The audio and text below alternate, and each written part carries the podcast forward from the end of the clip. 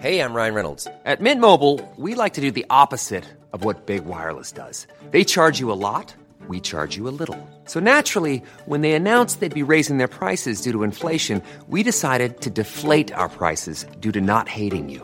That's right. We're cutting the price of Mint Unlimited from $30 a month to just $15 a month. Give it a try at mintmobile.com slash switch. $45 upfront for three months plus taxes and fees. Promo rate for new customers for limited time. Unlimited more than 40 gigabytes per month. Slows. Full terms at mintmobile.com.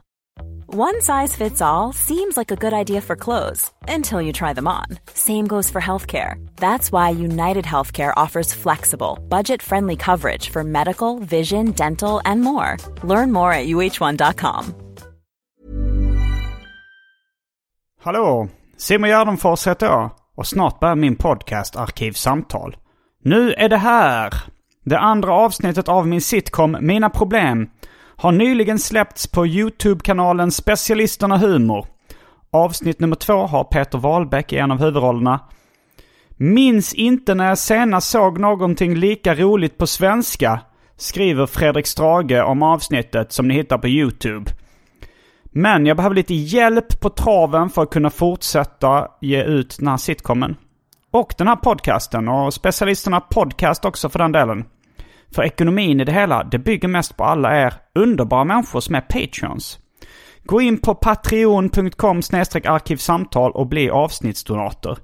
Bidra med ett par dollar så kan jag fortsätta pumpa ut en massa underhållning som inte kostar någonting att lyssna på eller titta på, men som tar tid att göra. Patreon är inte speciellt krångligt, men ännu enklare är det att bara swisha 0760 72 47 28. 0760 72 47 28. Men om du är luspank så kan du väl åtminstone följa mig på Instagram. Där heter jag atgardenfors. Men nu kommer Arkivsamtal som klipps av min redaktör Marcus Blomgren. Mycket nöje!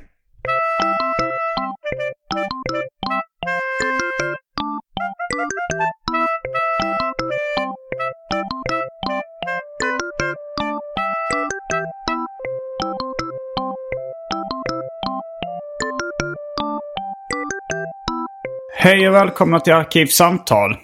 Jag heter Simon Gärdenfors och mitt emot mig sitter Jonas Strandberg. Hallå. Välkommen hit. Tack. Du är komiker och har varit gäst ganska många gånger innan. Ja, precis. Eh, då har vi mest pratat om snabbmat. Ja, precis. Och Mm. bio har vi pratat om en gång också. Ja. Idag så ska vi prata om fenomenet USA. ja. Landet USA till och med. Ja, det är så kul att, vad kul om jag hade bara kommit till en så här, pluggat på stenhårt om historien. hur USA uppstod och, och sådär. Ja, vi har inte diskuterat så mycket exakt hur strukturen ska vara i det här avsnittet. Men, Mm. eh, men eh, vi båda... Du har varit i USA ganska nyligen. Ja, precis. New York City. Ja, the big city. Och eh, det var första gången du var i USA då eller? Ja, det var svinhäftigt. Det var ju det är ju sån plats där man verkligen har... Alltså det är väl lite att all ens populärkultur nästan kommer därifrån lite. Ja. Alla Och vi är s- båda populärkulturnördar. Ja, Jag, jag var i USA när jag var första gången när jag var rätt liten. Alltså sex år eller någonting. Och var där kanske ett halvår då. Gick till och med på kindergarten Gud vad i, i Stanford i Kalifornien. Det måste ha gjort ett avtryck ändå. Ja, alltså jag, jag tänker att, ehm, att det har påverkat mig och mitt intresse för populärkultur och sådär. Mm. Men samtidigt har ju du ett minst lika brinnande intresse för amerikansk populärkultur som jag har. Ja. Utan att du har bott där som barn. Ja, alltså jag tror bara för att jag, jag läste mycket Spindelmannen och så när jag var liten liksom. Och utspelar sig ju i New York. Just det. Och det är väldigt så bildmässigt väldigt effektiv plats att låta en serietidning äga rum på, tänker jag. Det är mycket så här, alltså höjdskillnader och väldigt dramatisk stad på bild liksom. Ja. Och sådär. Eh, Så jag tror det, det började lite där att, att eh, just specifikt New York, liksom, att det var det som födde det intresset. Liksom. Att, eh, jag läste också extremt mycket Spindelmannen när jag var liten. Mm. Jag alltså, det var nog den serietidningen jag nästan mest passionerat samlade på. ja, För jag hade inte... Alltså Katte Nisse började med nummer ett liksom och hade alla nummer. Men det var också Medan- att du bestämde dig för det. Jag bestämde mig för det. Men Spindelmannen, eh, den började jag köpa och sen bestämde jag mig för att börja samla. Mm. Men då tror jag den, hade kom, den började komma ut 1973. Mm. Kom, har du koll på serietidningen? Spindelmannen kom nog 60 någonting redan. Eh, Men var det inte att den hette Spindeln först? Och Jaha, sen... du menar den svenska tidningen? Ja, jo. Ja, ja då, det har du säkert rätt Jo, för det var den svenska serietidningen som Ja. jag samlade på. Så jag ville ha alla nummer från 73 Okej, och fram ja. till 80-talet när jag samlade. Så jag liksom gick på mycket loppisar och serietidningsantikvariat och sånt där. Ja. Och kom ihåg att jag liksom kunde, när jag inte kunde sova på kvällarna, att jag bara så stirrade på min samling Ja. och så här drömde om nummer jag inte hade och gjorde en sån checklista. Ja. Jag blev liksom verkligen maniskt och febrigt samlande på, på just uh, Spindelmannen. Men det är så lätt att bli det. Alltså Mm. kring sån. Jag, jag tänkte mycket på just Spindelmannen. Att det är en väldigt så här, grafiskt tilltalande serie. För det är Mm. väldigt tydliga färger. Och han är ju klädd i amerikanska flaggan. Just det, det har jag inte tänkt på. Och sen så har ju folk varit lite så här. Jag tänkte på det, jag tror det var någon av de här filmerna med Tobey Maguire som kom Mm. 2002 kanske. Eh, där det finns en scen där han springer med, mot, framför en amerikansk flagga typ. Ja. Och då tyckte folk att det var för flaggviftande då. Liksom. Aha, att det var ja. för amerikanskt inom citationstecken. Men alltså, hans kläder. Mm. Han är ju en symbol för USA. Liksom. Det är ju mindre uppenbart än att ha en flagga i bakgrunden kanske. Men det är fortfarande... Det är någonting barn kan fastna väldigt mycket för tror jag. Just Det- det, där är- visuellt snygga. Eller tydliga i alla fall. Jo, de här klara färgerna. Det var inte, alltså svarta dräkten var ju snygg. Men de gick ju tillbaka sen till den, eh, till den rödblå. Ja, den är ju eh, alltså väldigt cool tycker jag. Mm. Det är en väldigt fin, den är väldigt snyggt design. Jag ritade ju, det var nog det motiv som jag ritade av flest gånger. Jag kan inte rita liksom eh, sådär, men ritade ändå av Spindelmannen extremt ofta när jag var, var liten. Hans ansikt, eller masken Ja. liksom och sådär. Det sjukaste med den dräkten är att han har spindelnät i armhålorna. Just det, som en Att- sån, eh, som man ska kunna glidflyga nästan. Fast det är ju inte det. För det var väldigt många som eh, skrev in liksom till insändare, till Marvel-klubben då, insändarspalten. Ja. eh, I de gamla Semic-tidningarna och frågade så här, varför har Spindelmannen nät under armarna? Är det för att det hjälper honom att liksom glidflyga? Ja. Men då var alltid svaret nej, han har det för att han tycker det är snyggt. Det kan Att det var- inte tycka. alltså det är ju, ehm, ja, nej men det, alltså, jag tror det är mycket så här, eh, det var ju väldigt speciellt att vara där i, i vuxen ålder liksom. Mm. Så, för att det, jag hade nog velat åka ännu tidigare liksom. Men det, du vet, ja, jag vet inte varför det inte blev så, men skitsamma. Men, eh, men det var ju verkligen, ja, det, det är den enda resmålet jag varit i där jag har längtat till nästa gång i princip så fort jag kom tillbaka. Mm. Jag brukar alltid tycka det är jätteskönt att komma hem Men bara liksom. Men det fanns ändå en sån, fan jag hur längtar länge var du där? men typ en vecka bara. Så det var ganska kort. Ja, det är ganska kort tid. Speciellt för att vara så inne på amerikansk kultur som du ändå är. Mm. Alltså det var ju verkligen som att jag försökte hinna med, jag skrev ju ner massa grejer. Ja. Bland annat så kan jag ha stakat upp var Louis CK bor. Jaha, du, över hans hus? Mm. Eller har han flyttat nyligen eller bor han kvar? Eh, han, har, han har ett par hem liksom. Eh, eller ett par lägenheter, eh, hus Mm. sådär. Men eh, det är ju allmänt känt att han bor i Greenwich, eller West Village. Ja, där. Ganska nära Comedy Cellar. Greenwich. Village. Ja, precis. Ganska nära Comedy Cellar. Mm, Eh, Och då, jag ska inte säga det typ, men jag googlade runt lite liksom. Mm. Och gick faktiskt, hittade det som bara stod utanför, tittade på huset, sen gick jag därifrån. jag vågade inte ta kort på det, det kändes en, för extremt. Men, Mm. Är det ett fint hus? Bor han rikt liksom? Eh, alltså det är ju ganska, jag vet inte, det är inte så här pråligt. Nej. Liksom. Men det fanns en person som vaktade dörren och sådär. Okej. Eh, gjorde det. Men det är ju inte ett jättetjusigt område så, liksom rent, alltså det är inte så fina byggnader Nej. i just Greenwich Village. Det är ju väldigt gam, gammalt liksom. Eh, men vi kan ju avslöja att du såg Louis CK i verkligheten senare. Ja, Det har eh, du ju redan eh, säkert berättat i, i AMK morgon eller något sånt. Ja, men, lite eh, så. Men det var ju verkligen... Men i vilket sammanhang? Det Alltså- får då bli Europas sämsta cliffhanger.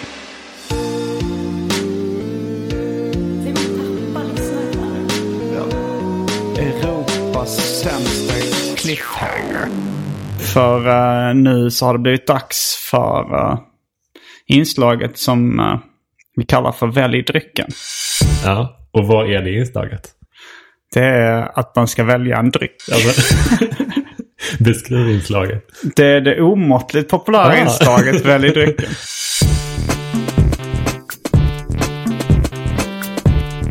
Jag tror vi börjar med det fasta inslaget Välj drycken! Jag, jag, det kliade lite mig när du inte sa så. Jag, jag tänkte faktiskt inte... Jag tänkte på um, att... Jag kändes också att det var något som var fel. Men det var inte medvetet att jag hoppade över. Nej, det kändes som att du retades lite. Ja. som kallas för väldrycken. La in istället. Men här kommer i alla fall alternativen. Mm. Big Wave-öl, Baileys, Faxe-Kondi, Fanta Zero, filmjölk, havredryck, siciliansk citronsaft. Eh, Saranac Root Beer. Red Bull i smakerna kiwi, tropisk, apelsin och cola. Häxblandningen. Det vill säga alla drycker som fanns i min kyl innan ni genomgick en så kallad corporate rebranding. Och för tråkmånsare och nejsägare, vatten. Den här eh, Big Wave-ölen, berätta mer om den. Eh, den är hawaiiansk. Det vill säga amerikansk. eh, så det, den är ju lite mm, på temat. Fan, vi, vi kör på den. Okej. Frågan är om jag ska... Ah, vad fan. Jag släpper in färgen. Trots att jag försöker banta inför min USA-resa. Så att Just jag ska det. kunna dricka öl och äta snabbmat och skräpmat. Jag tänkte jag ska bli... Jag pratade faktiskt om det när vi var på väg hit. Eh, och det kommer jag även prata mer om i nästa avsnitt med Maja Asperö Lind. Vad spännande. att få en sån marginal innan man åker på resa. Det är ändå Ja. ambitiöst. Jo, det är det. Du känner dig själv. Jag känner mig själv mycket väl. Jag har umgåtts med mig själv en längre tid.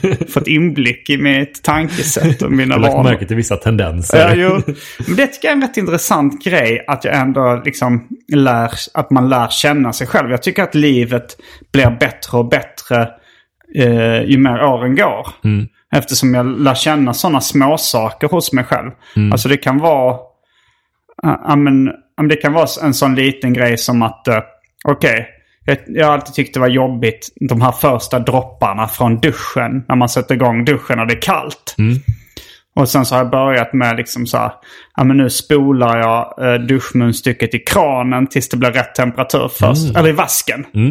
Och, då, och sen så liksom börjar med rätt temperatur. Så okej, då har jag lärt mig det här Ja. lilla tricket Du liksom. sandpapprar tillvaron lite liksom. Mm, nej men så att, och, det, och det är bara ett av många exempel där liksom eh, mitt liv har bara blivit lite, lite bättre hela tiden. Ja. Men då är vi strax tillbaks med dryckerna. Kända från det omåttligt populära inslaget Välj drycken. Häng med!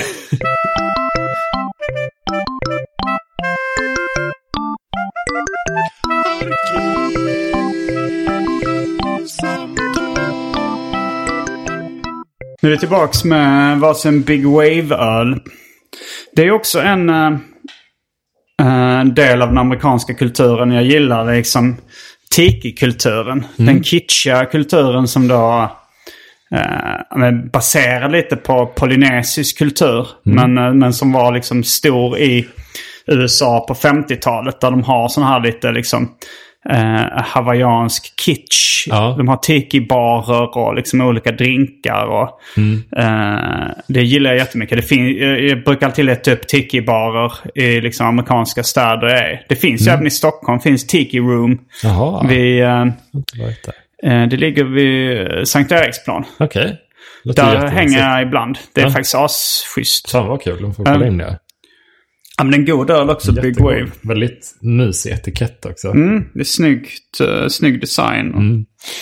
Eh, jag har varit eh, på Hawaii två gånger. En gång när jag var liten och en gång i vuxen ålder också. Fy fan vad coolt. Ja, men det kombinerar också liksom både det här sol och bad och strand och dri- paraplydrinkar med liksom att man kan göra mycket saker som jag gillar att göra i USA i allmänhet. Alltså så här, gå på Barnes Nobles bokaffär och käka på IHOP, pannkaks eh, stället liksom. Och sådana saker som man, de har de flesta sådana amerikanska kedjor där också. Men jag vill gärna åka till Hawaii. Men finns det mycket att göra besides att bara chilla liksom? Eller finns, kan man, finns det mycket grejer att alltså, hitta på där?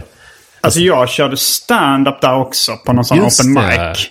Eh, och jag kollade på en rätt dålig liksom, mainstream stand-up. Alltså sån, som någon gubbe som körde på, på ett hotell. Ja. Som var då Hawaiis eh, mest kända komiker. Men han var ju en oldtimer liksom. Ja, Eh, och inte speciellt kul. nej. Men, men sen så är det ju så här, men du kan ju gå och köpa kläder och det, det finns bra, alltså de hade ett grymt udon-ställe också. Japanska liksom udon-nudlar som ge- genuin, liksom som var svinbra där. Och det var, och det, nej men det är ju, det är kul. Det är som att vara i en amerikansk storstad eller liksom. Ja, kul. Mm. Men det är verkligen, eh, det känns som att det mer är att åka runt i en världsdel nästan typ. Alltså för att det, ja, det är ju det typ. Men Ja. alltså vad är USA? Det finns så mycket olika delar man skulle vilja se på något sätt. Jo, det är det. Jag har mest... Alltså jag tror de, ställena jag varit på USA är eh, Hawaii som jag nyss nämnde. eh, New York City. Jag har varit i eh, Chicago bara en kort stund. Eh, jag har varit i San Francisco. Då i Stanford där vi bodde där också. Och jag har varit i eh, LA och San Diego. Så jag har, ju, det, det, jag har ju bara skrapat på ytan av Ja, men av det är ändå ganska, alltså det är mycket så här, det är nog det enda som skulle kunna få mig att ta körkort tror jag. Mm. Att kunna åka omkring där mer. Ja, men jag tänker att jag har också haft den där, det finns den där klassiska drömmen. Eh, att från kust till kust i, eh, i bil i USA. Och jag är fortfarande lite sugen på att göra det någon gång i livet. Men, men det är nog liksom den här fantasin och bilden. Det är nog ganska långtråkigt. De som jag känner, så här, de här liksom sträckorna när man bara slukar kilometer. Ja. Det blir lite segt efter ett tag. Och det är kanske, så här, det är kanske grimmare att bara ta en greyhound-buss typ mellan städerna och sen så hoppa av och slippa oroa sig över att bilen går sönder och tankar och du vet Ja, allt sånt det är där. Och, och ta körkort. Den Ja, oron det, det är mest det. Det är så jävla stort. eh, Kan man göra det som svensk i USA? Kan man ta ett amerikanskt körkort? Och, för det är ju jättelätt att göra tydligen. Jag tror du kan det. Det Jag hade vet varit faktiskt nice inte. att bara kunna göra det. Och, Du kan, du kan ju ta internationellt körkort i... Jag hörde någon som hade tagit det typ i Egypten. Där det var jätte... Alltså det var, jag hörde på P3 tror jag. Där det var... Där de bara sa, ja okej. eh, nu, ska, nu ska du köra mellan de här två konerna. Och så gjorde hon det. Och sen frågade de, kan du backa också? Så Ja. backade hon och då fick hon en applåd av dem. så och sen fick hon internationellt körkort. Alltså jag har bara provkört, eller övningskört en gång med min Mm. pappa på en parkeringsplats. Ja. Eh, och det var så jävla obehagligt tyckte jag. det är så kontrollera ett, ett alltså jag, det, jag kör ett stort fordon, det var ju bara en vanlig bil. Men jag tyckte det var så jävla, det kändes inte som att man alls man hade kontroll över det. Nej. Jag övningskörde jättemycket. Alltså, så, här, eh, för mina föräldrar pressade mig rätt mycket till att övningsköra. Framförallt min mamma. Eh, men eh, och så att jag, jag, jag gjorde så här halkkörningen, kom rätt långt. Ja. Började liksom... Eh, ja, men att jag nästan var klar liksom. Men sen flyttade jag hemifrån och tappade helt motivationen. Ville inte fortsätta. Ja. Och jag var aldrig riktigt eh, liksom... Jag var, jag var nog aldrig... var- De körskollärarna sa aldrig att jag var mogen för uppkörning liksom. Nej. Och jag bara tyckte det här var tråkigt och jobbigt och jag ville, jag ville bara sluta. Det var rätt ångestladdat liksom allting. Ja. Men jag har, jag har varit rätt nära att få körkort en gång. Ja, gud. Jag har inte ens varit nära. Alla mina syskon har körkort. Eh, Det är bättre att... Det näst, känns nästan bättre att, att inte ha varit nära än att ha, var- än att ha liksom fallit på mållinjen. Det är för patetiskt. är det så du ser på det? Ja, ja men så här, inte, inte mållinjen men det är ännu mer patetiskt att man har snubblat fyra meter innan mållinjen. Sådär halvlångt ifrån. det är ju, ja. Nej men... eh, Men jag har varit i USA. Alltså då, jag var där då ett halvår när min pappa, han var då gästprofessor. Innan han blev professor i Sverige så var han gästprofessor på Stanford University i Kalifornien då.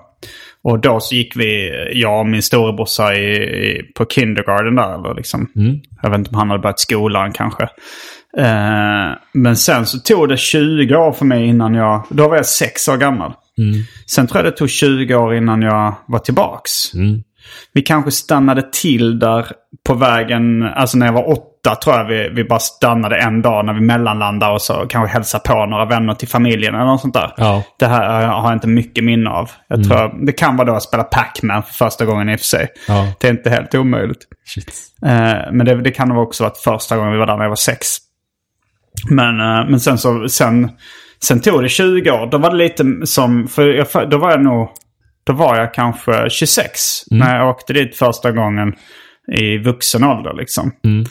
Och det var väl också så att man har inte lika mycket pengar mellan 6 års ålder och 26 års ålder som man kanske förhoppningsvis har senare. Eller. Eh, men då kommer jag ihåg att då, då åkte jag till, för då skulle min pappa också, eh, han var lärare i, i San Diego. Och eh, jag, hade jag hade varit i, jag hade träffat några mexikaner i Stockholm. Och jag, jag tänkte alltså, men Mexiko ligger ju väldigt nära Kalifornien. Det ligger ju typ, de är ju grannar. Ja. Och jag tänkte att eh, ja, men det är bara att ta en buss så kan jag hälsa på de här mexikanerna. Ja. Eh, Men sen insåg jag att det var ju svinlångt. så jag, jag tror jag åkte buss dit och sen flög hem. ja. Eh, Men du, tog, du åkte ändå dit? ja, jag åkte dit. men de, jag fick bo gratis på ett vandrarhem i, i Mexiko då. I Querétaro som var en stad. Ja. Och, ja, det, var, det var jävligt ro, Det var rätt roligt att re, resa själv då också. Liksom. Ja. Och det var i San Diego, men då, då tror jag jag var även i San Francisco. Men sen, sen, sen dess jag var 26 så tror jag jag har varit i USA minst en gång om året. Om, Men- jag vet inte om jag har haft något undantag, men jag har nästan. Alltså jag har varit där. eh, då har jag varit där jättemycket. Ja. Men vad, alltså jag tänkte på det nu efter bara varit där en gång. Att det kändes verkligen som att... Del, alltså det var absolut att man kände sig lite som en turist för att man inte hittade superbra direkt. Men Ja. det var också som att man lite kände sig hemma typ. För att det var så mycket bekanta... Alltså Från film, gator. tv och internet. Exakt. så att det var inte som att det kändes som att vara så mycket turist som man kan känna sig när man är första gången på ett ställe. Nej. Men vad tycker du det, det bästa med USA är? Eh, alltså maten är ju en av de bästa grejerna. Ja. Jag, jag har ju kanske lite köttat sönder den här sägningen. Men det är också det att eh, tre av mina största intressen mer eller mindre är födda i New York. Stand-up, tecknade serier och rapmusik. Ja. Men sen, men sen är det också att om du går in i en bokaffär, jag gillar liksom att läsa biografier. Om du går in i en stor bokaffär i USA, som Barnes Noble till exempel, så har de liksom simbasäng stora avdelningar med bara biografier. Och då kan man liksom hitta sådana smala och roliga, intressanta grejer. Och även om jag hade, om jag hade åkt till, låt oss säga, Eh, dels i, i Tokyo finns det feta bokaffärer men där kan jag inte språket. Och om jag skulle göra det i England till exempel, i London. Eh, och de har mer fokus på kanske brittiska komiker, brittiska skådespelare, brittiska musiker. Och de är jag inte lika intresserad av. Nej. Utan mi- mina intressen ligger ju mycket inom amerikansk kultur.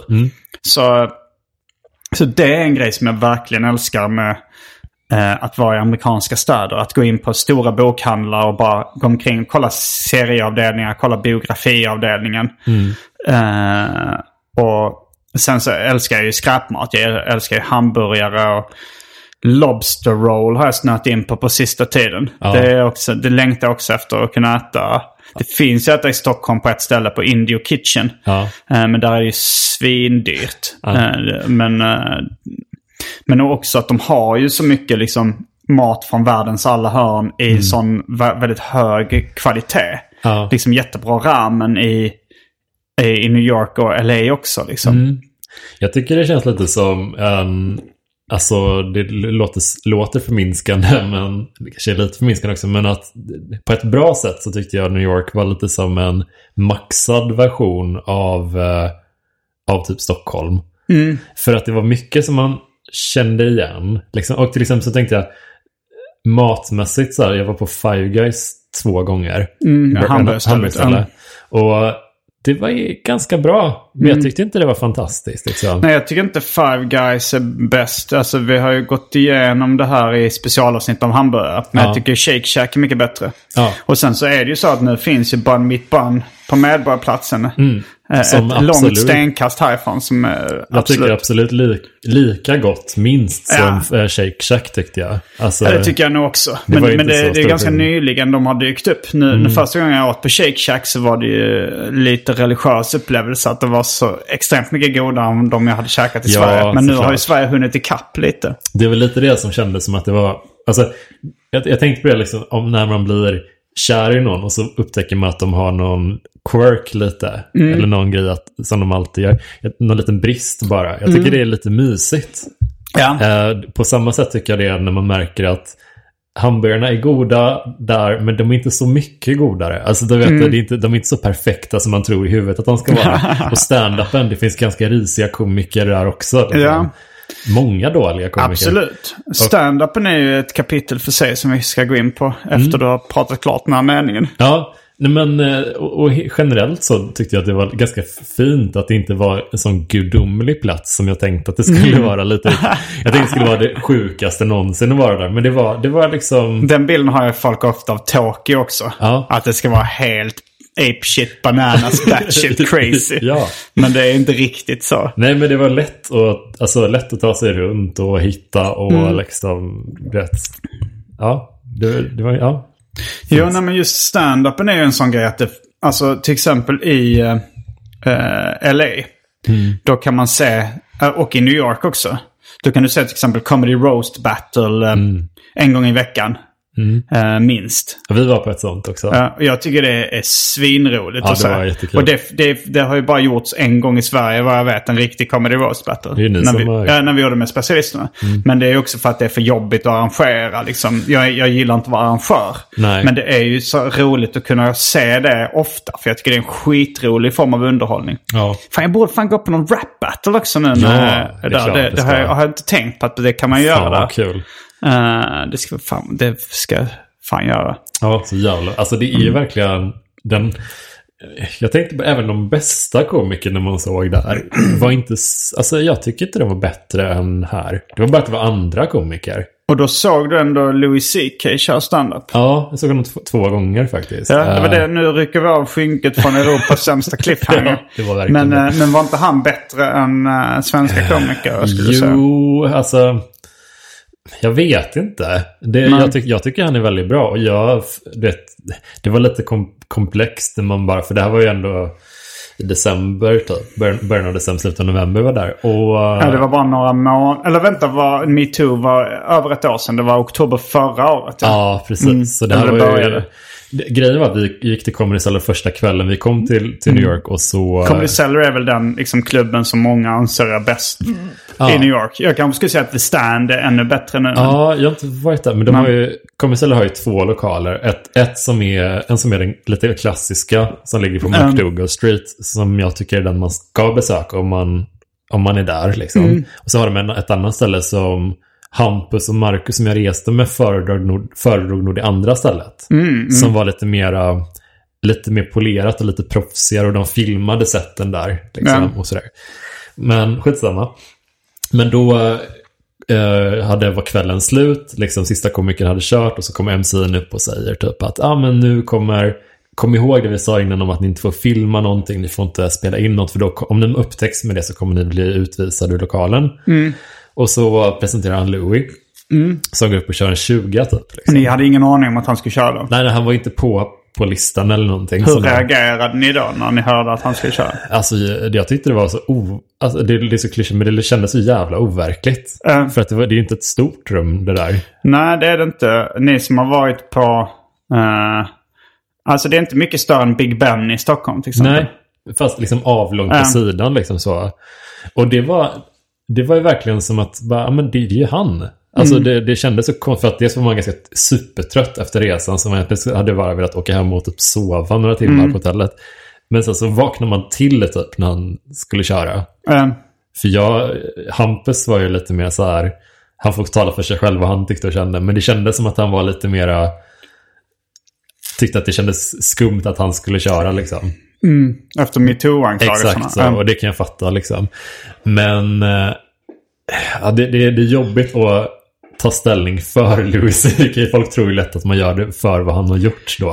Um, ja, men jag är lite tveksam till det. Han gjorde ju grejer som, uh, som uh, var liksom obehagliga och som han liksom uh, ångrar själv. Och det är ju det är, det är ett gränsfall tycker jag liksom var... Mm vad jag tycker så här om jag fort... Alltså, jag hade, om han hade kommit till Stockholm och haft en show på... Mm. Eh, så hade jag köpt biljetter. Liksom. Ja, jag, med. jag har inte, jag har inte liksom dömt ut honom så att jag vill aldrig mer se någonting han har gjort. Mm. Eh, alltså när jag ser så här Surviving R. Kelly-dokumentären.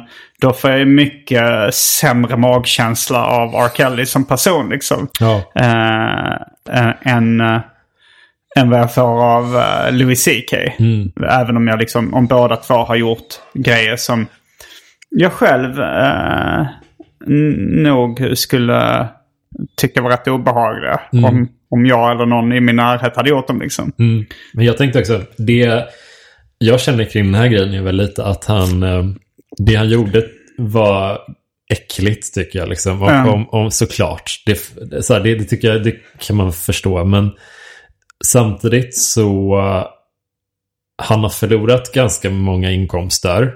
Mm. Och så här, vilket jag tycker att han förtjänade i samband med det här. För att något straff ska man ha om man beter sig så. Men vad var det? Alltså han har ju runkat framför kvinnliga komiker. Mm. Uh, men hade han frågat först vid alla tillfällen? Eller finns det uh, tillfällen när han inte har frågat utan bara dragit fram kuken och börjat runka? Jag vet ju att några av kvinnorna som har gått ut med det här har sagt att han eh, frågade och att de sa ja. Mm. Men eventuellt för att det var i chock och att det var lite konstigt. Sen mm. vet jag inte om det varit som alla. Det kanske är så att han bara har gjort det utan att ens föreslå någonting eller fråga någonting mm. först. Och även om man har frågat, det finns ju den här maktaspekten i kanske också beroende på när det har skett jo, och sådär. Och där är det ju verkligen så gränsfall. Alltså jag tycker så här, om du frågar någon, får jag runka framför dig? Mm. Och de säger ja. Mm. Och, eh, och liksom beroende på maktställning så är det så här, ja, det borde inte vara något problem ifall man har frågat först egentligen. Mm. Liksom. Mm. Men har, jag, jag har inte exakt koll på vad det är han har gjort. Tidslinjen är ju ganska viktig också där mm. tänker jag. Att han inte var så känd i början när han ja. gjorde det som mest kanske. Ja, och oavsett så tänker jag lite det, är så mycket, man borde ha kollat upp lite där innan kanske också. Men jag tänk, tänker så här att om kvinnorna som har gått ut med det här. Mm. Om det hade skett en polisanmälan, för han har ju erkänt vad han har gjort. Mm. Då borde ju det ha hänt någonting nu, eller hur? Liksom, ja, det, det, det, är inte säkert att det är olagligt. Nej, eller så har det inte skett en polisanmälan. Det kan ju också vara det. Liksom, mm. Så man vet inte. Men i vilket fall så har, tycker jag lite att han har fått ett straff som, han har för, som jag tycker att han har förtjänat. Mm. Det är viktigt att vara tydlig med det så att inte folk misstolkar någonting man säger nu. Mm. Så jag tycker inte synd om honom för att han förlorade jobben. Det är lätt att folk och säger åh det var så synd om Louis, han förlorar massa pengar. Mm. Inte alls så, utan det är ett straff som han har förtjänat. Men han har också fått det straffet nu lite känner jag. A lot can happen in the next three years. Like a chatbot may be your new best friend. But what won't change? Needing health insurance. United Healthcare Tri-Term Medical Plans are available for these changing times. Underwritten by Golden Rule Insurance Company, they offer budget-friendly, flexible coverage for people who are in between jobs or missed open enrollment. The plans last nearly three years in some states, with access to a nationwide network of doctors and hospitals. So for whatever tomorrow brings, United Healthcare Tri-Term Medical Plans may be for you. Learn more at uh1.com. Imagine the softest sheets you've ever felt. Now imagine them getting even softer over time. That's what you'll feel with Bowl and Branch's organic cotton sheets. In a recent customer survey, 96% replied that Bowl and Branch sheets get softer with every wash. Start getting your best night's sleep in these sheets that get softer and softer for years to come. Try their sheets with a 30-night guarantee. Plus, get 15% off your first order at bowlandbranch.com. Code BUTTERY. Exclusions apply. See site for details.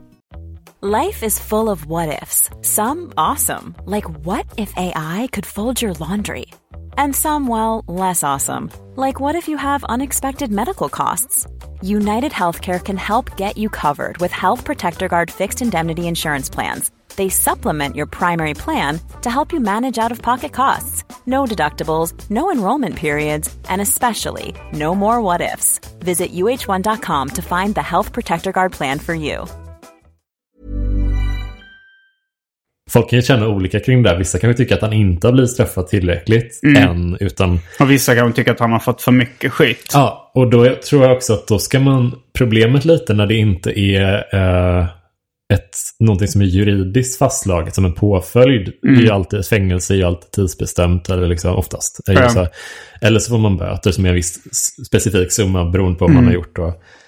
Men det här är ju ett, ett tids... Alltså det här är flytande, det finns inget slutdatum riktigt. Nej, Folk- just det. Och folk som lite har jag känt av lite när man ser, hänger och kollar på Twitter och sådär nu när hans material läckte. Så har folk lite varit så här. Ja men han har ju knappt varit borta. Han har ju inte ens varit borta i ett år. Och det räcker inte liksom. Okej. Nej, just det. Du tycker De, inte men att det folk har sin personliga... Det var någon, någon komiker, eller någon, jag vet inte om det var en komiker eller bara en, eh, en kvinnlig twittrare som skrev så här. Jag är fortfarande på samma schampoflaska som när Louis CK slutade med, med stand-up. Mm. Eh, men, det, men det är frågan. Men det är också så även om det hade varit ett fängelsestraff så är det ju inte så, det är inte så att eh, om Anders Eklund kommer ut från fängelset att då är allt glömt och förlåtet. att han kan börja jobba på vilket dagis han vill. Liksom. Nej, nej. Det är ju inte så att man, när man bara för att man har suttit i fängelse har man sonat sitt brott och allt det. Och sen kan man ju också plocka in aspekten som jag såg Paris Amiris eh, eh, SVT Play-grej om det här som var, tycker jag är väldigt sevärd faktiskt. Där hon pratar om, eh, hon pratar med en, en person, jag tror en komiker utanför någon klubb, så säger hon typ att uh, frågorna med hur, känner du kring de här anklagelserna och vad Louis har gjort och sådär. Är det i USA eller Sverige? USA, ja. Och då säger den här komikern att ah, men det är konstigt för att om, den här, om, om Louis hade varit en kille på, mitt, på ett kontor som hade gjort de här sakerna, hade han fått sparken så här. Direkt, ja, verkligen. Ja, verkligen. Mm. Och aldrig fått komma tillbaka. Nej. Så att det, det, nu är inte det här ett kontor. Men det, man, man kan ju tänka på det också lite. Liksom, Jo. att det, är- Jag, jag öppnade för Judah Friedlander på några datum eh, när han var i Sverige. Eh, han bokades av Oslipat och då tog de in mig som uh, förkomiker på några gig. Eh, så jag, jag åkte i bil med honom och hade lite tid att snacka. Och han är en sån regular på, på Comedy Cellar. ja, Och han, uh, verkade, inte- han verkade inte ha förlåtit Louis överhuvudtaget. Okej. Utan han sa, nej den jäveln, han ska fan inte, alltså han, eh, han tyckte att det var bara piss liksom. Att han ska, han, han verkade hata honom liksom. För det han hade gjort. men det Och finns säkert folk som gör det också. Liksom. Och Alltså tänk, även i då liksom comedy-skrået bland... Han sa väl så här att... Eh, han tyckte väl att det var rätt uppdelat där. Att tjejerna gillade inte Louis i USA, tjejkomikerna. Men Mm. många killar hade förlåtit honom. Liksom att det var rätt uppdelat. Men han själv då, Judah, hade inte förlåtit honom. Eller hade tyckt det är inte... det som känns lite jobbigt nu när man resonerar lite grann i Louis favör, eller man ska säga. Liksom, att, eh, att man är kille och säger de här sakerna. Det hade känts lite lättare att säga det om man var tjej och resonera kring det tror jag. Kanske det. Jag vet inte. Eller det, det, jag kanske hade känt annorlunda jag var tjej kring det också. Det är inte så. Men det... Ja, det är svårt att... Det känns lite klyschigt att vara kille, komiker som försvarar Louis CK. Det är inte så det är.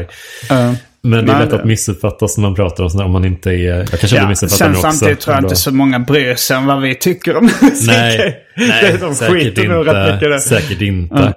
Men det, eh, grejen var väl lite att jag tyckte att det var ett väldigt bra sätt. Alltså, det var Mm, Han var rolig. Ja, Men var han kul. skämtade inte så mycket om Nej, metoo-grejen. Han hade lite grejer. Han hade Mm. ju som lite dansade runt frågan. Om man säger. Mm. Han hade typ eh, något material om att eh, Jaha, eh, så hur har ert år varit? Mm. Alltså lite så här, inte rakt på sak liksom, men du vet ändå. Eh, Det kanske så att han skulle då, ifall det kommer in någon turist som bara sa ah, kul att se stand-up. Mm.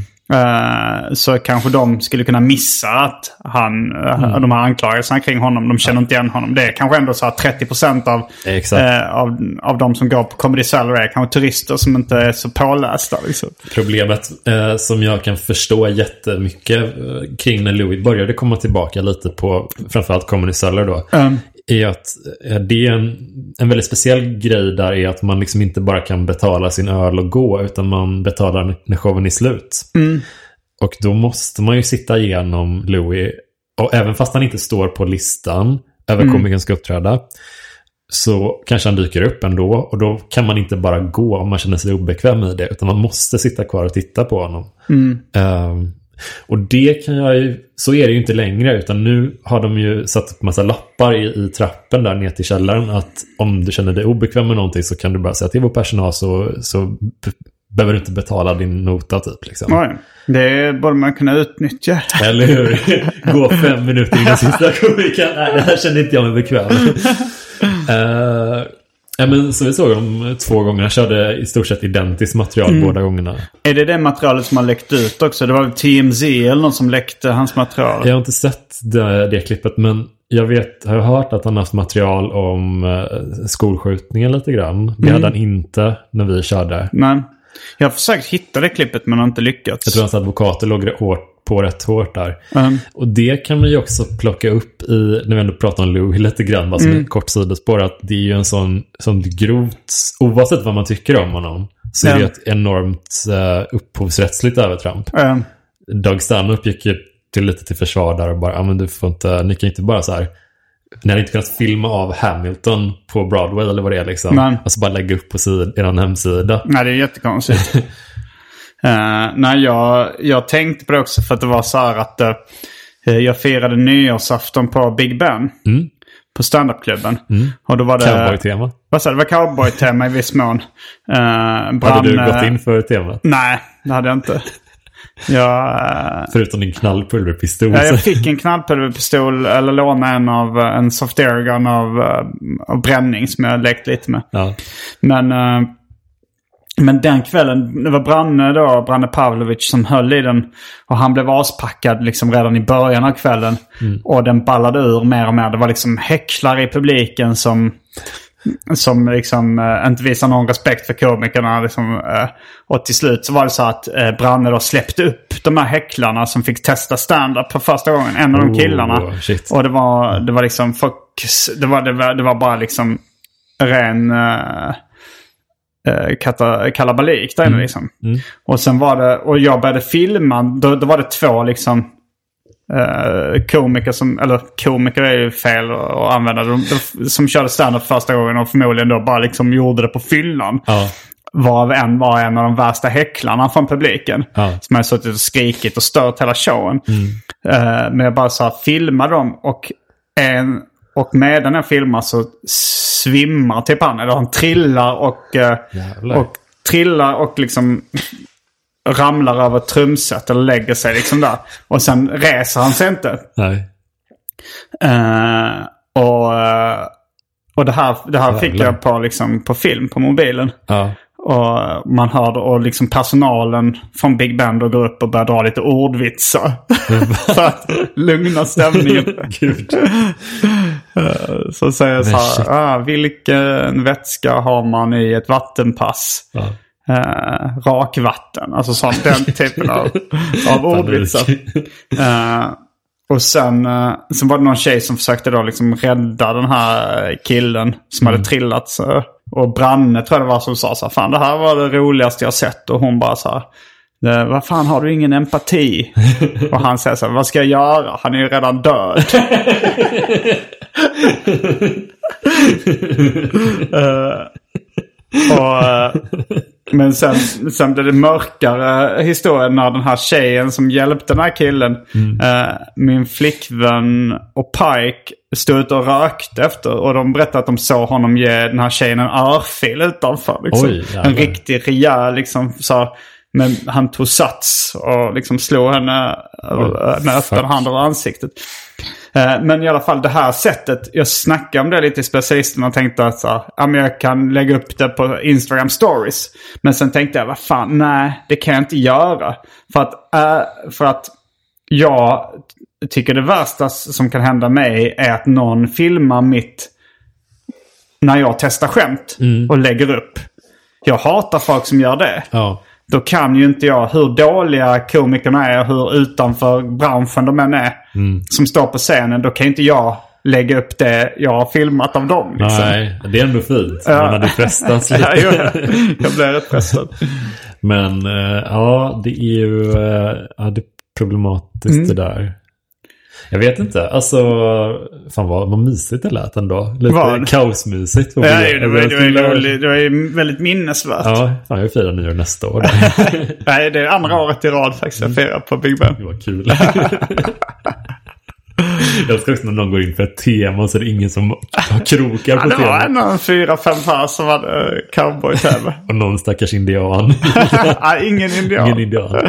Ja, det är Det är nästan roligare om det kommer en så här riktig fjäderskruv och rödmålad i ansiktet. Ja, nej men uh, apropå uh, att klä ut sig. Nej det kan vara inte så mycket klä ut sig. Men, och USA som vi snackade om så ska tänkte jag filma större delen av avsnitt tre av mina problem i LA. Ja, fan vad coolt. Jag håller på att skriva manus nu. Mm. Hur går det? Ja, men det går, det går bra. Eh, Och jag har hittat för, eh, två killar som ska eh, filma.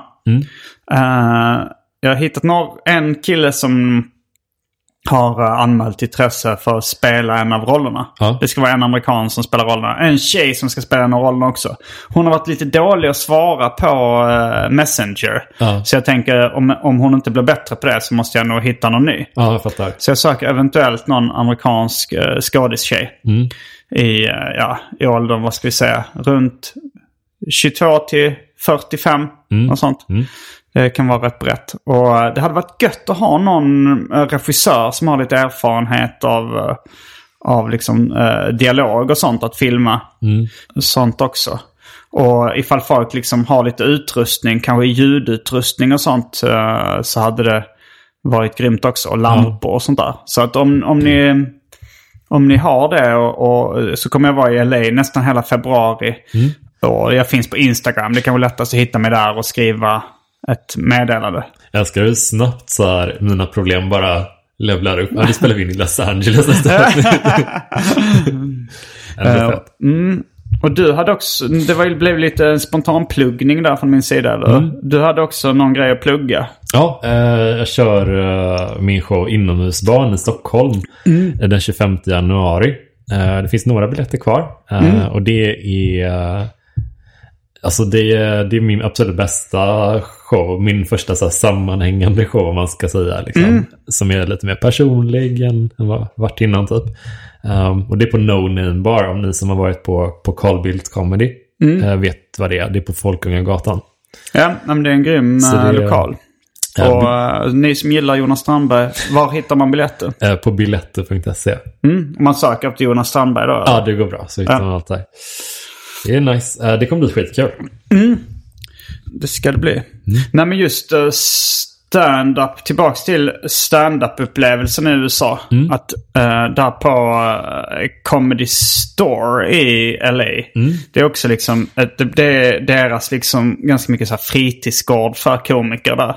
Att de har stand-up väldigt sent där. Man kan hänga där och liksom klockan, uh, jag tror man liksom, alltså mitt i natten kan man se komiker uppträda inför åtta pers liksom. Fan vad kul. Och att de, att de, att de kör ett experimentellt material där. Ja. Och eh, de hade även ett rätt roligt koncept som hette Kill Tony. Som är en podcast och en eh, live-podd och show på något sätt.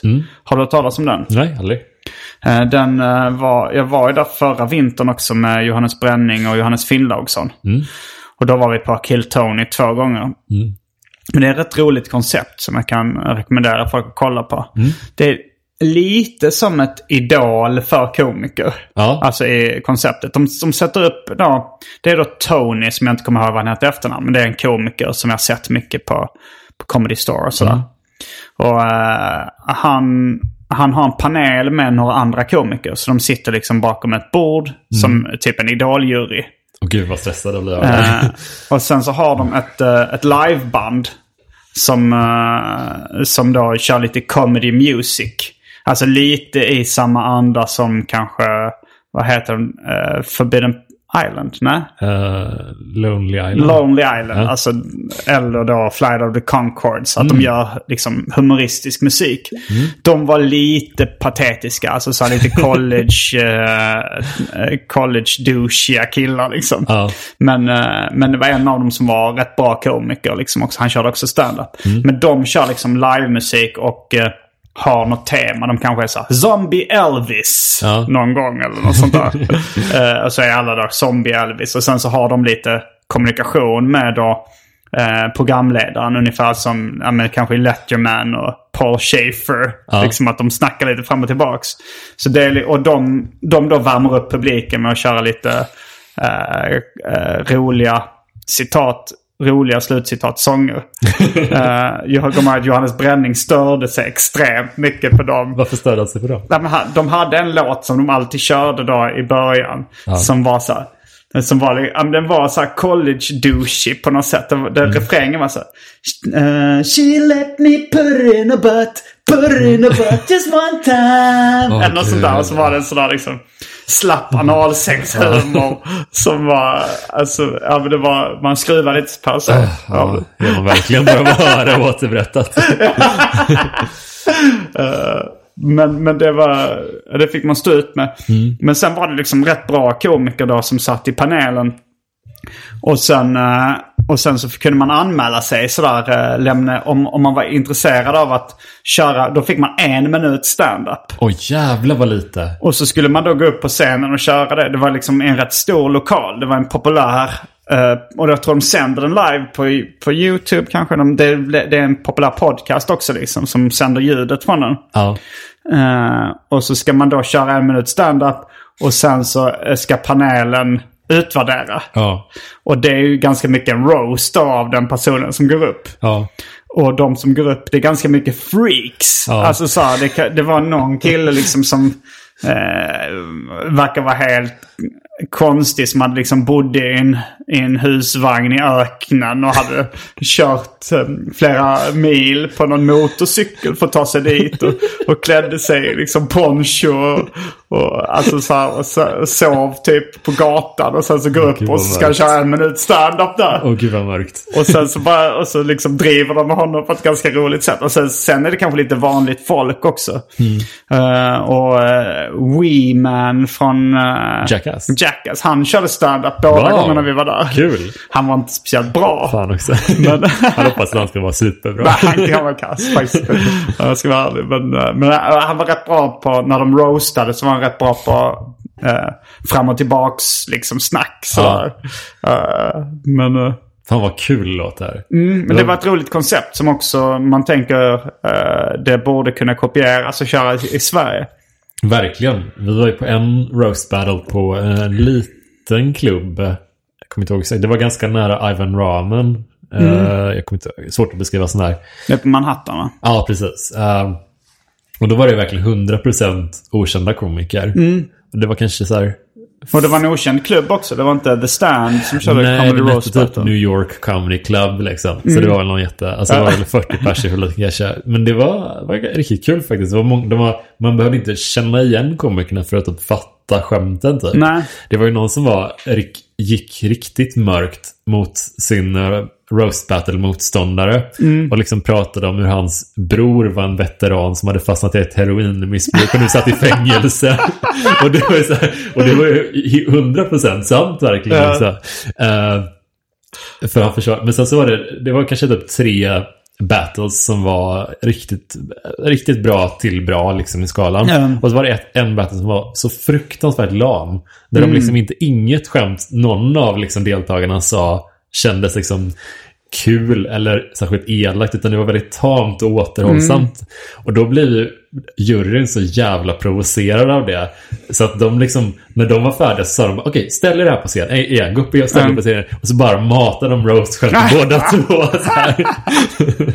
Det var inte ens kända komiker som höll i det då, som höll i kvällen. Nej, det var en, en kvinnlig jurymedlem som var typ med någon Netflix-serie. Fast de är ju bra på att promota Netflix-bilds. Liksom, om de har gjort någon grej eller någon special sådär. Så jag kände inte igen henne liksom, men hon var väldigt rolig liksom. Ehm, nej men det, det är väldigt kul så. Alltså jag tror att det är ett koncept som funkar även om man inte känner, känner till det riktigt. Nej. Så länge alla som är inblandade är typ roliga människor så funkar det ju. Ja, nej men det, vi frågade innan om liksom det bästa med USA. Och det skulle jag säga var en så här toppupplevelse att gå ner i... Nu tror jag att The Stand har bytt lokal. Jag vet inte om den nya är lika bra. Den är säkert jättebra också. Men att gå ner i den ganska lilla källaren man sitter där, de, man beställer in mat. Jag fick någon sån här liksom eh, korkskruvs pommes frites. Liksom, Som var lite extra krispiga och olika dippsåser. Och sen sitter där och kollar på Comedy Roast Battle-matcher. Som var så roliga så att jag skrek av skratt. Liksom. Det har jag inte gjort på stand-up på väldigt länge. Men det, det formatet blev så himla kul där. Men det är verkligen så här. Eh, de- Det var liksom en av de bästa upplevelserna jag Det är haft så jävla fint. Alltså för att det, det var så många som var på ett par av eh, komikerna och roastarna var ju på Hampus, Hampus Algotsson. Ja. För att han såg bögig ut. det var så jävla trubbigt liksom. Ja. Eh, så det är också kul. Alltså man vet ju hur det är när man sätter sig långt fram. Folk kommer ju gå på en. Ja. Och så fort, fort de får reda på att man är från något annat land så blir de ju extra, ja det här kan jag ha någonting på. Ja, det var Anton Magnus som skulle gå på toaletten också när vi var där i New York. Och, Mm. Och han hade typ ett linne på sig och hade väl styrketränat lite. Men då gick de också, men då var det så här, då började de eh, prata om hur vältränad han var och roasta honom för det. Ja. Jag tror den, The Stands eh, Roast Battles finns på YouTube också. Ja, det var någon kul. som sa att man hade sett uh, liksom mig och Anton i publiken. Jaha, fan vad kul. Eh, Det måste man kolla in.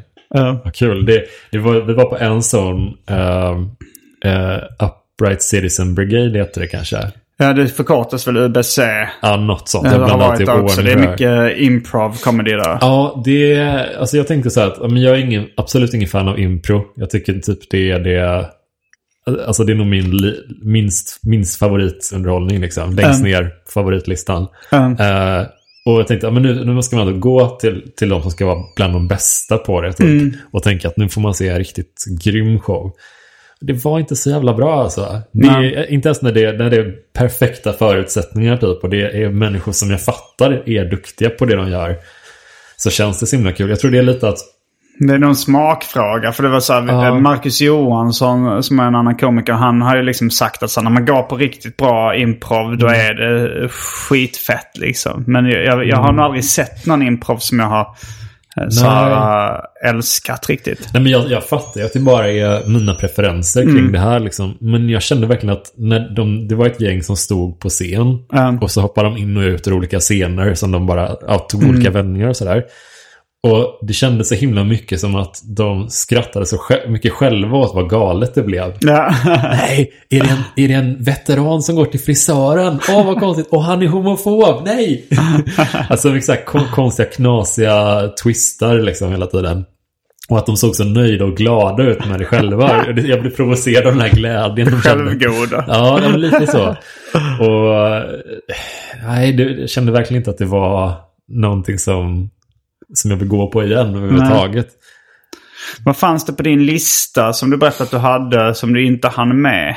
Som du har framför dig? Eh, alltså jag ville ju se eh, det jag inte hann med. Eller jag hann med ganska mycket. Jag hann med en liten tour till Harlem. eh, för att kolla in och spela in Luke Cage. Den tv-serien som utspelar sig där. Det var svincoolt verkligen.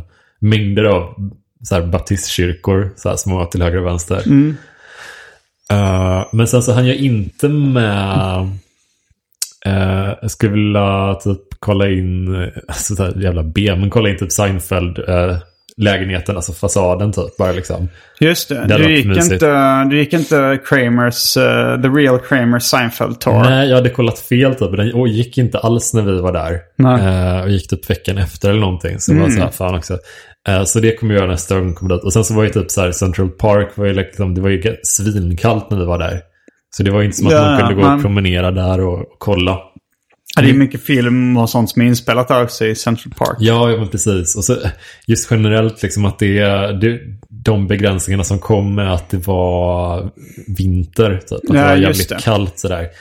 Se Det- till nästa gång du åker dit. Jag är sugen för vi har ju ganska mycket gemensamma intressen. Det Ja, hade varit kul lätt. att åka dit samtidigt. Ja, verkligen. Eh, det var en...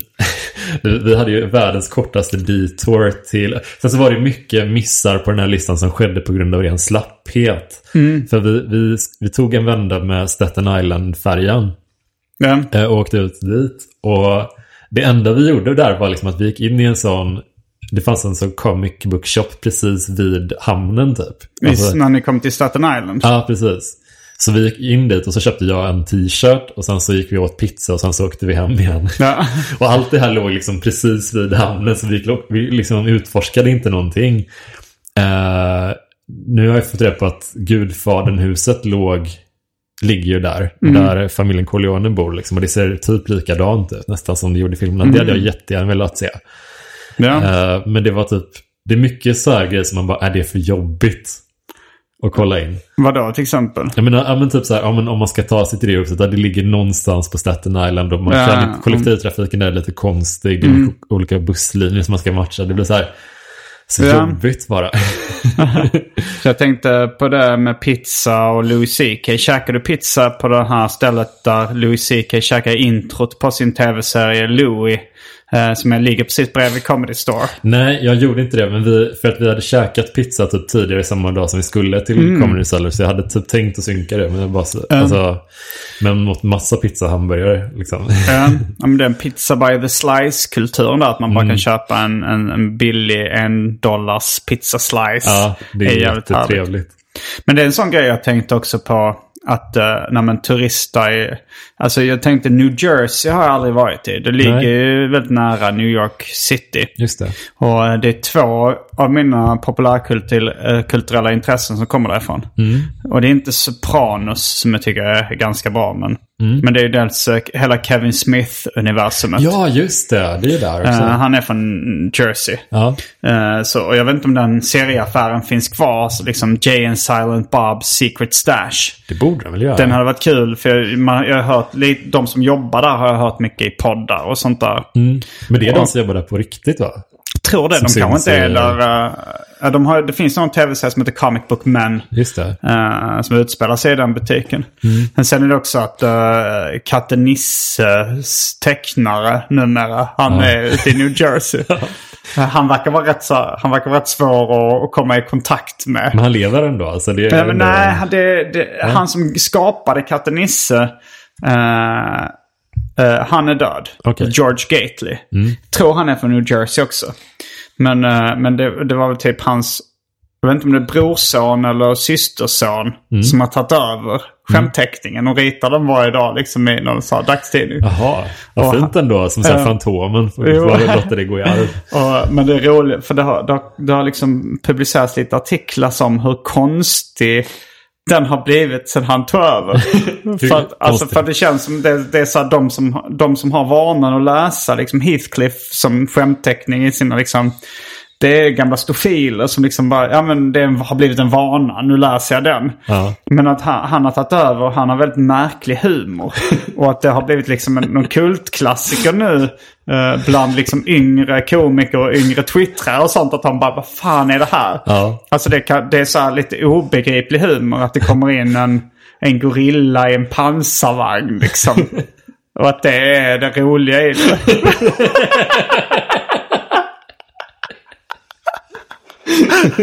Jag gick igång direkt när du sa att han har lite märklig humor.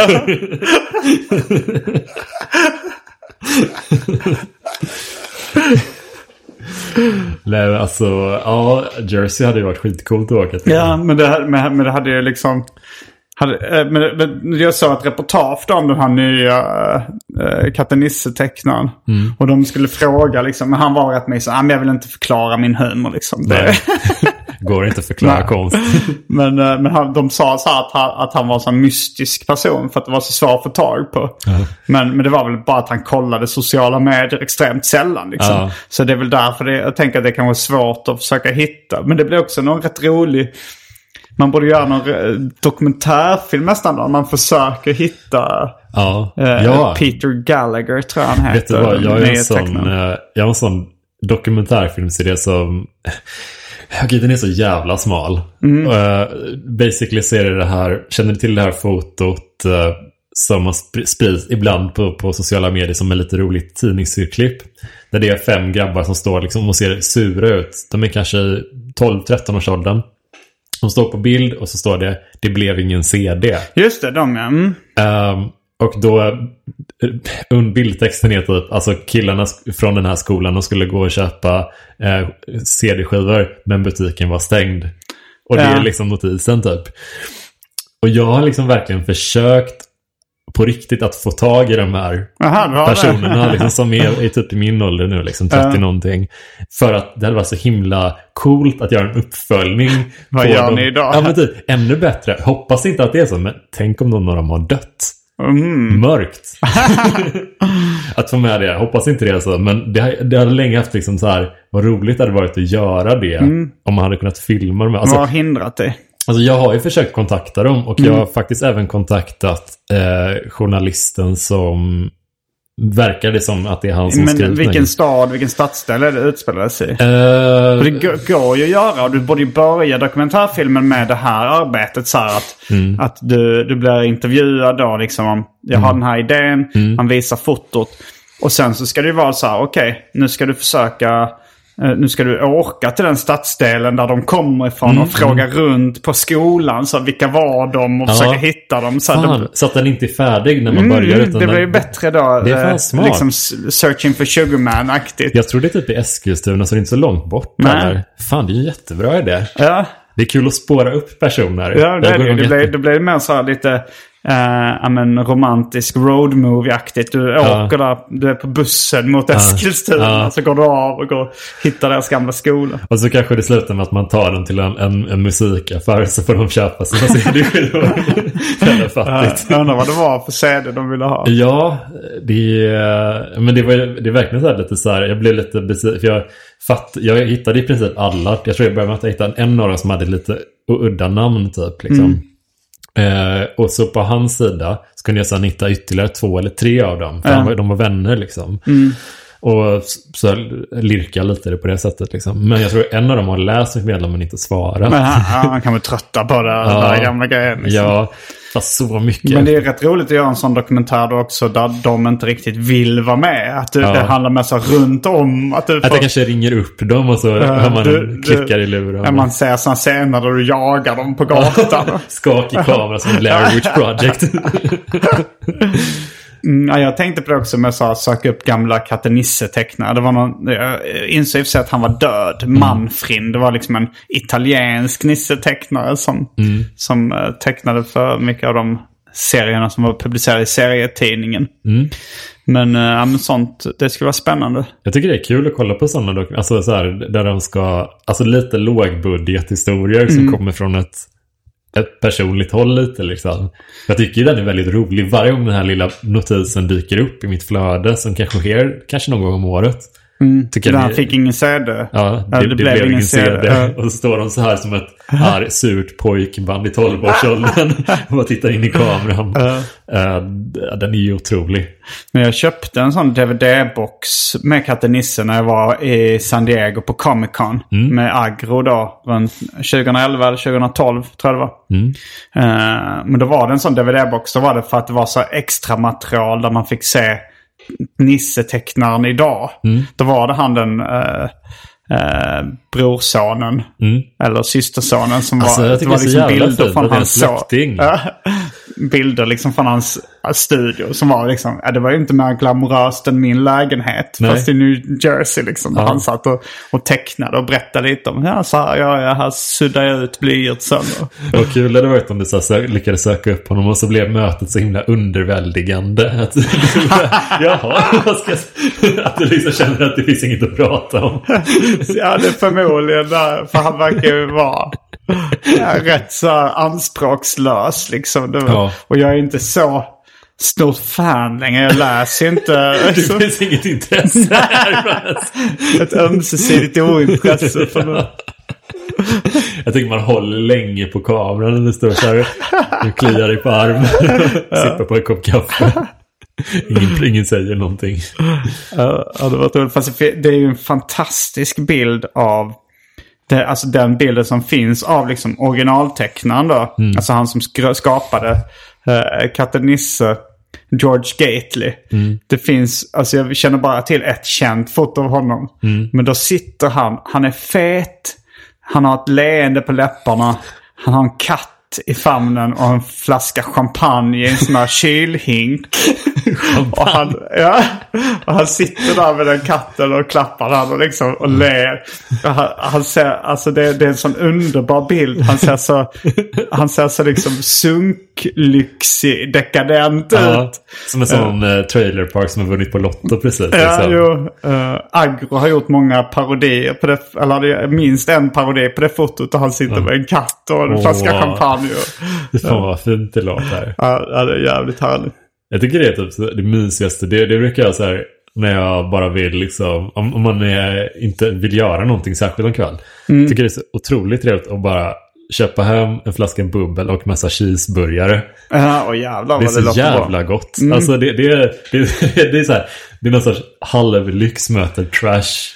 Ja, men nu också så märkte jag att man kan köpa så här, eh, små flaskor med äkta champagne. Det Ja. tycker jag ger extra lyxig känsla. Ja. Där kan du kanske köpa på systemet en flaska eh, champagne för 120 spänn. Kul om du går här Folkungagatan. Där ligger McDonalds och bolaget vägg i vägg. Det bara går ena från ena till det andra.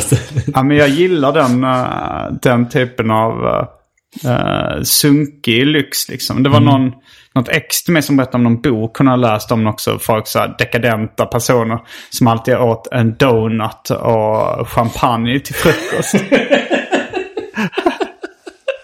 det låter också fett. ja, det låter underbart.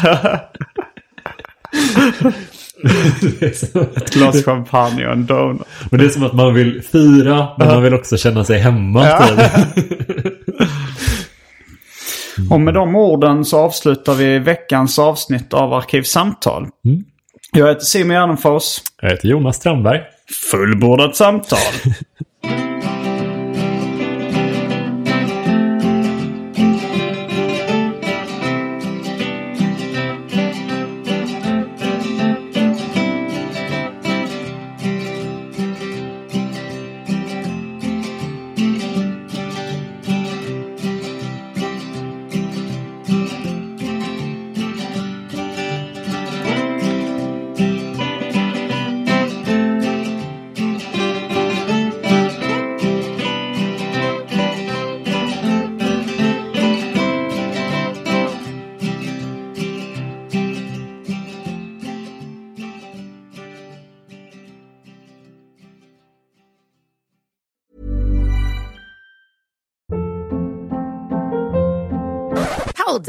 What was that? Boring. No flavor. That was as bad as those leftovers you ate all week. Kiki Palmer here, and it's time to say hello to something fresh and guilt-free. Hello Fresh. Jazz up dinner with pecan-crusted chicken or garlic butter shrimp scampi. Now that's music to my mouth. Hello Fresh. Let's get this dinner party started. Discover all the delicious possibilities at hellofresh.com.